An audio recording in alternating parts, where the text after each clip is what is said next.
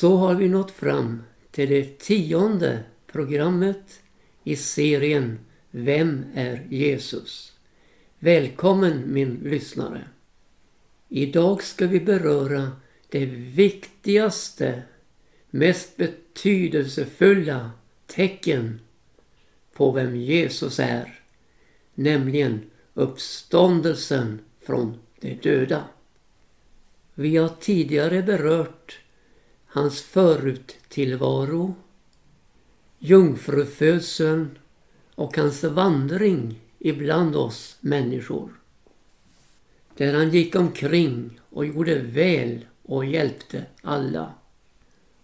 Och vi har inriktat oss på hans möte med människor som talade om vem han var.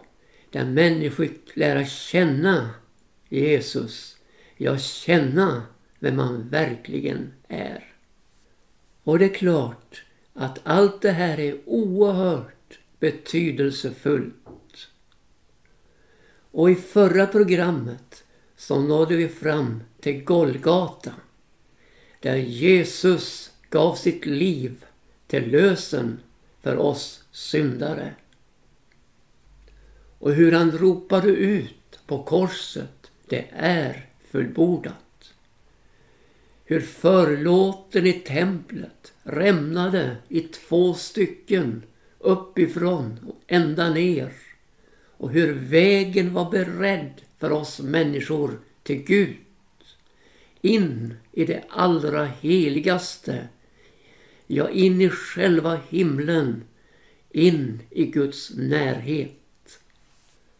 Och när Jesus efter triumfropet på Golgata, det är fullbordat.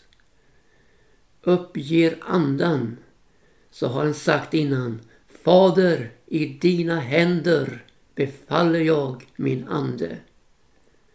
Och så uppgav han andan och dog för oss. Och hur var nu läget efter ett fullständigt fullbordande av Guds frälsningsplan? Hur var nu läget efter en fullständig seger över synden? Hur var nu läget efter en fullständig seger över mörkrets förste djävulen? Där han som kvinnans säd söndertrampar ormens huvud. Ja, segerfursten Jesus Kristus var död. Men segern var vunnen. Och inget, absolut inget kunde ändra på det som nu komma skulle. Uppståndelsen från de döda. Ja, döden var van och behålla de fångar man fått i sitt famntag. Men här kommer en som inte var fånge men frivilligt gick i döden. Som gav sitt liv och det till lösen för många. Syndare hade gått ned i dödsriket som fångar. Men här kommer den syndfrie som ger sitt liv och som av sin fader hade fått makten att ge sitt liv men också att ta det igen. Det budet hade han fått av sin fader, av Gud själv. Ja, när det personliga livet, du vet Jesus är vägen, sanningen, livet. När det personliga livet träder ner i döden så kommer hela dödsriket i födslovåndor. Och det omöjliga blir möjligt och det möjliga blir omöjligt. Det blev omöjligt för döden att behålla Guds son. Och det omöjliga blir möjligt uppståndelsen från de döda.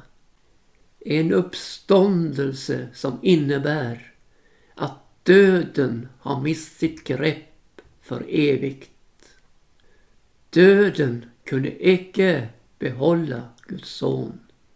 Han lever, Jesus, och skall aldrig dö igen.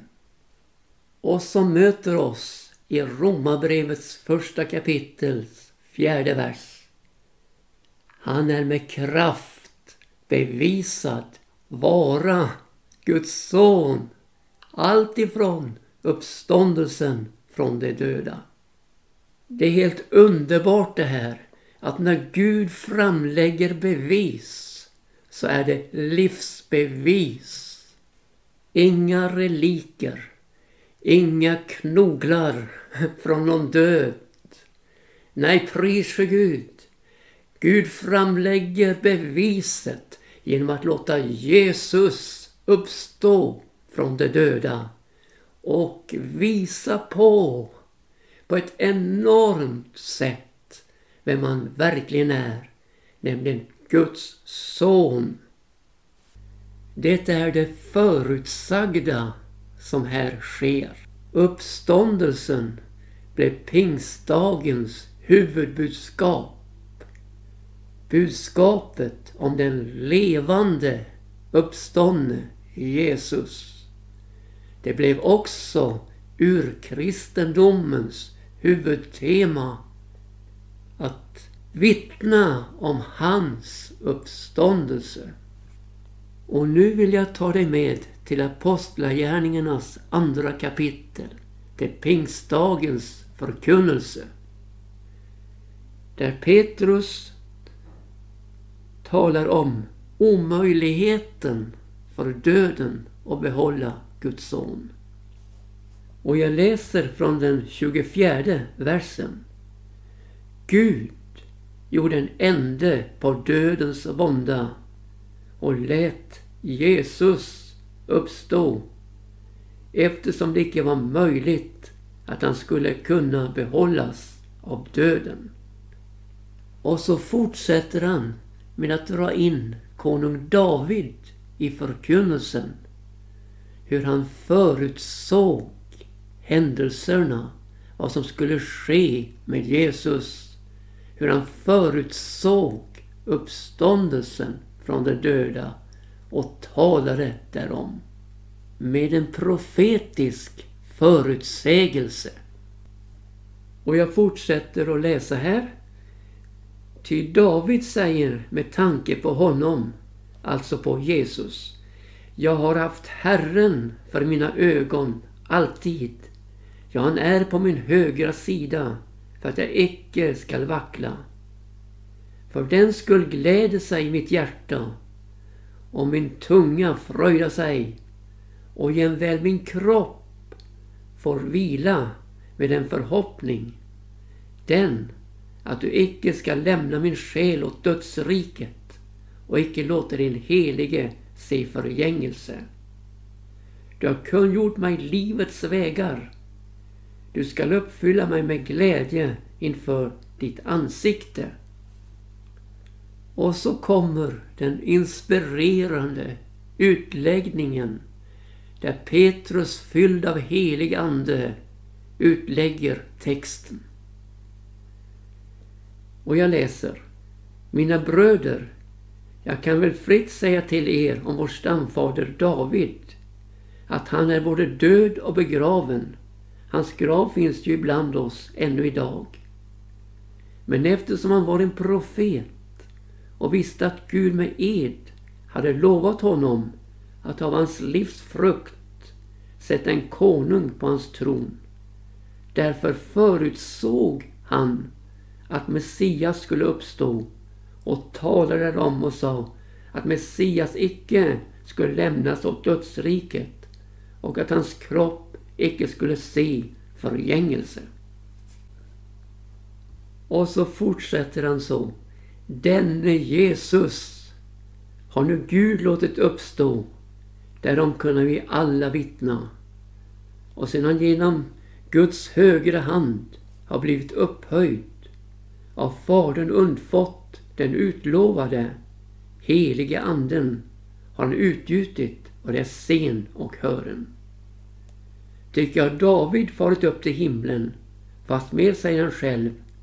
Herren sade till min herre, sätt dig på min högra sida, till dess jag lagt dina fiender dig till ett fotapall.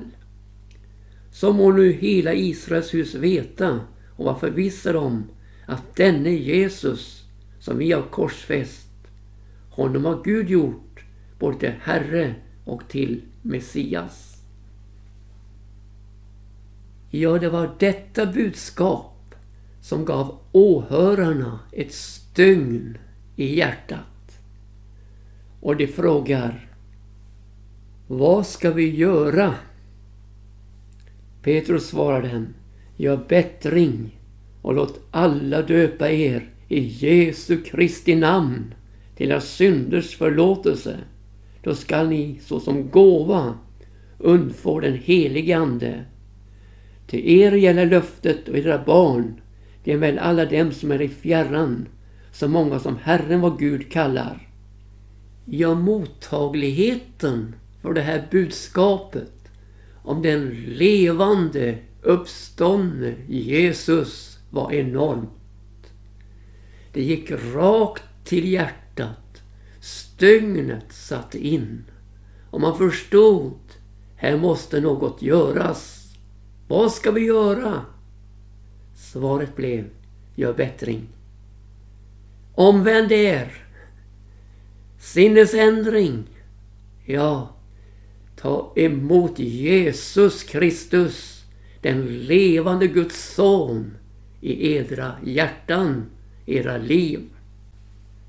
Den dagen var det vid fast 3000 som hörsammade inbjudan och upplevde denna underbara frälsning i Jesus Kristus. Förkunnelsen genom den helige Andes inspiration av den levande Jesus satte tingen på plats och man förstod vem Jesus var.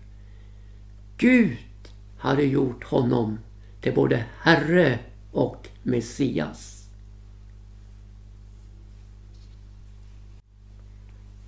I denna församling, pingstdagens församlande, den urkristna församlingen, var en enorm stadfästelse av Jesu uppståndelse. De upplevde uppståndelsekraften i Jesus. Det var ett församlande i bön, i endräkt, i uthållenhet och i förbidan på det löfte som Gud har givit det som Jesus hade talat om. Och när pingstdagen var inne så kom det från himmelen ett dån som om en våldsam storm hade farit fram och det uppfyllde huset där de satt. Och tungor såsom av eld visade sig för dem och fördelade sig och satte sig på dem en på var av dem. Och de blev alla uppfyllda av helig ande och börja tala andra tungomål eftersom anden ingav dem att tala. Ja, vilken manifestation av uppståndelse, av liv, när den uppståndne, levande Jesus döpte dem i helig ande och eld. Och när Jerusalems invånare församlar sig och undrar på vad står här på så träder Petrus fram jämte de elva. Ja, Petrus blev pingstdagens predikant. Och det kan väl ändå förundra oss. Ja, visserligen vi är så vana vid det. Vi vet så väl, så var det.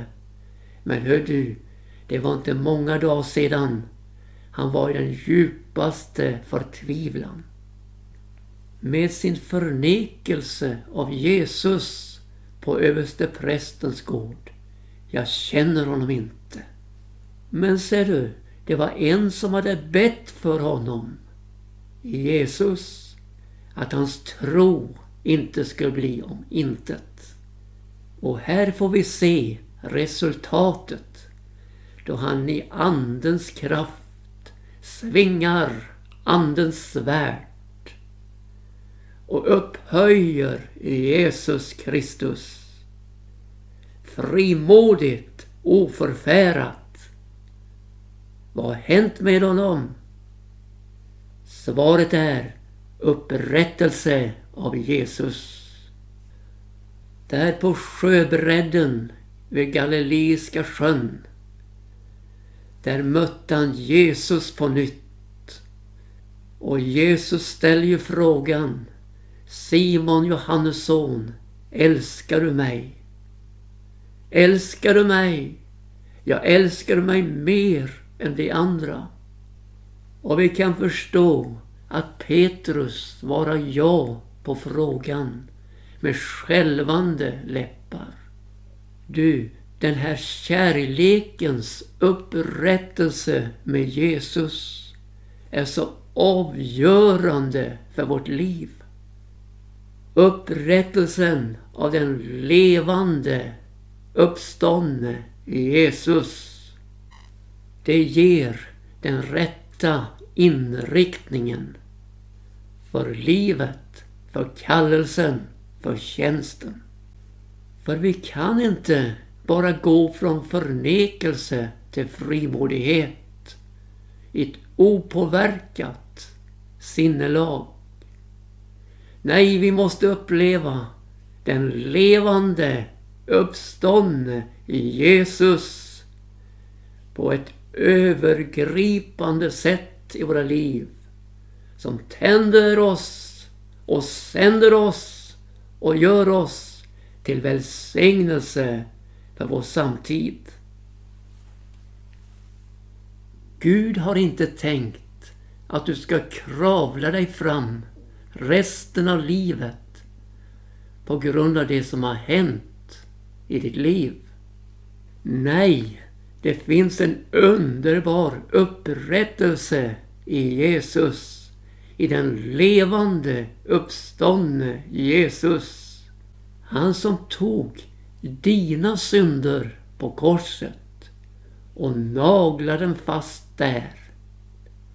Och nu, halleluja, kommer han som den levande uppståndne frälsaren just till dig för att avtorka bitterhetens tårar och ge dig en ny chans. Salus av Tarsus, han som senare blev Paulus, upplevde, halleluja, denna frälsning, denna förvandling av den levande uppståndne Jesus. Han hade gillat att Stefanus, Jesu vittne, blev dödad. Han andades hot och mordlust mot Jesu lärjungar. Han får våldsamt fram till och med utländska städer för att fasttaga män och kvinnor och föra dem bundna till Jerusalem. Vad hände med denne våldsverkare? Salus? Jo, halleluja. Han mötte den levande uppståndne Jesus på Damaskusvägen. Och det när han var ute för att motarbeta, för att fasttaga Jesu lärjungar. Så uppenbarar sig den levande uppståndne Jesus för han. Och han faller till marken. Och när han ligger där utslagen, hör han en röst som säger Saul, Saul, varför förföljer du mig? Och han svarar Vem är du Herre? Och Jesus säger Jag är Jesus, den som du förföljer. Du förstår, Jesus sätter likhetstecken mellan att förfölja hans lärjungar och förfölja honom själv. Är det inte underbart att våldsverkaren Saulus av Tarsus får veta vem Jesus är? Och så enkelt och så klart och så effektivt. Jag är Jesus som du förföljer. Men han får vidare höra Stå nu upp och gå in i staden så ska du få veta vad du vidare har att göra. Ja, du förstår.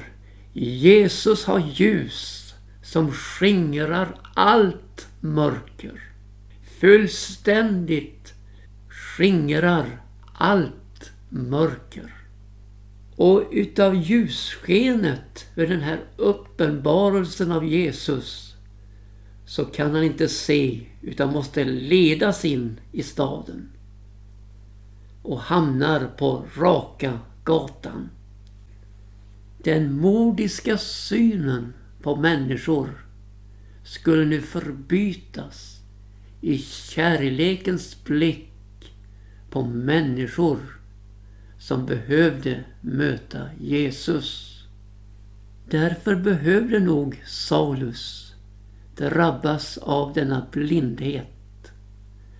För att sedan, när han skulle få sin syn, när Ananias kom och la händerna på honom, få ett nytt blickfält. Få en ny blick. Ja, på sin omgivning. Ja, på människor i nöd. Ibland måste Gud gå drastiskt tillväga med oss människor. Det gjorde han i det här tillfället. Låt mig helt kort säga några ord om vår uppståndelse som är helt förknippad med Jesu uppståndelse från de döda.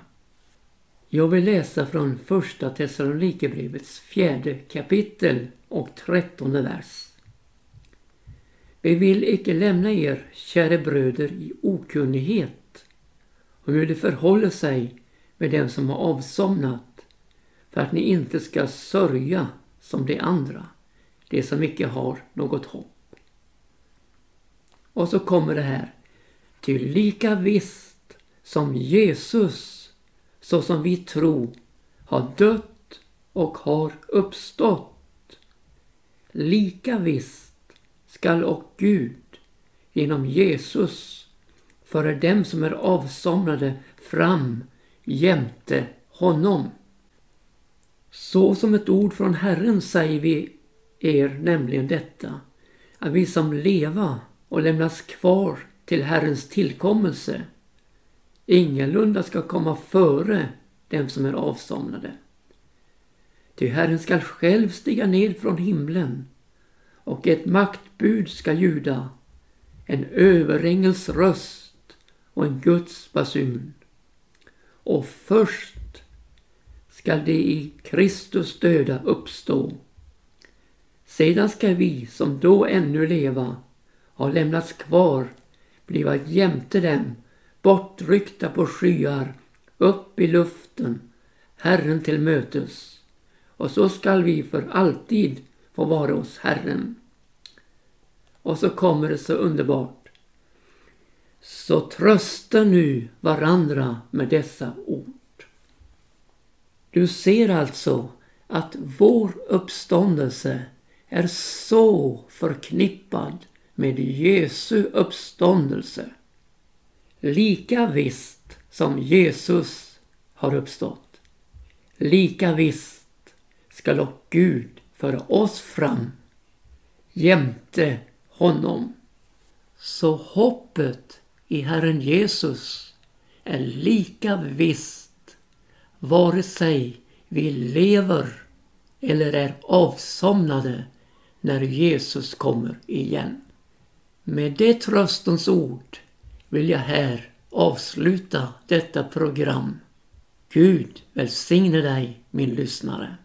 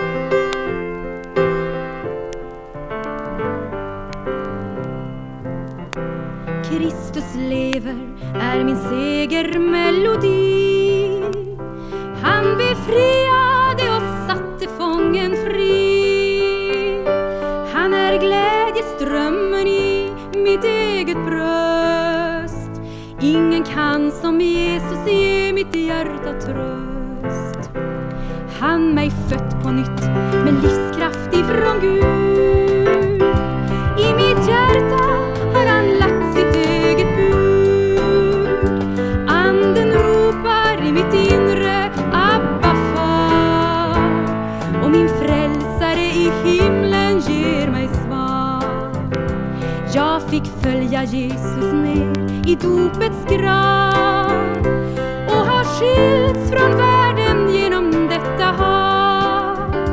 Främling är jag nu och hör Guds rike till. Och min lag är göra det som Jesus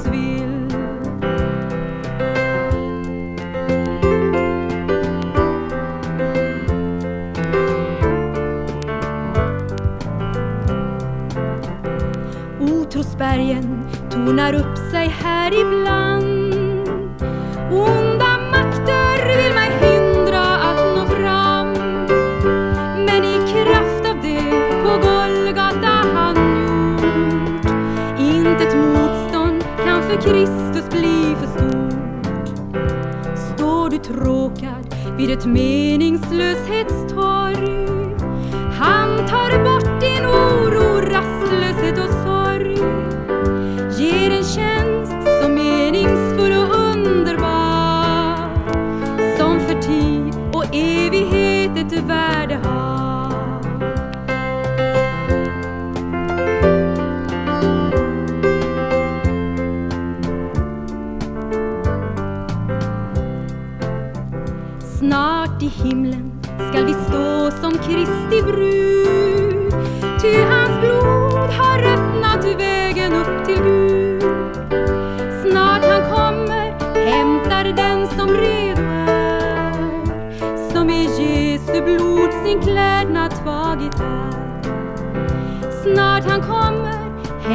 den som redo är Som i Jesu blod sin klädnad tvar,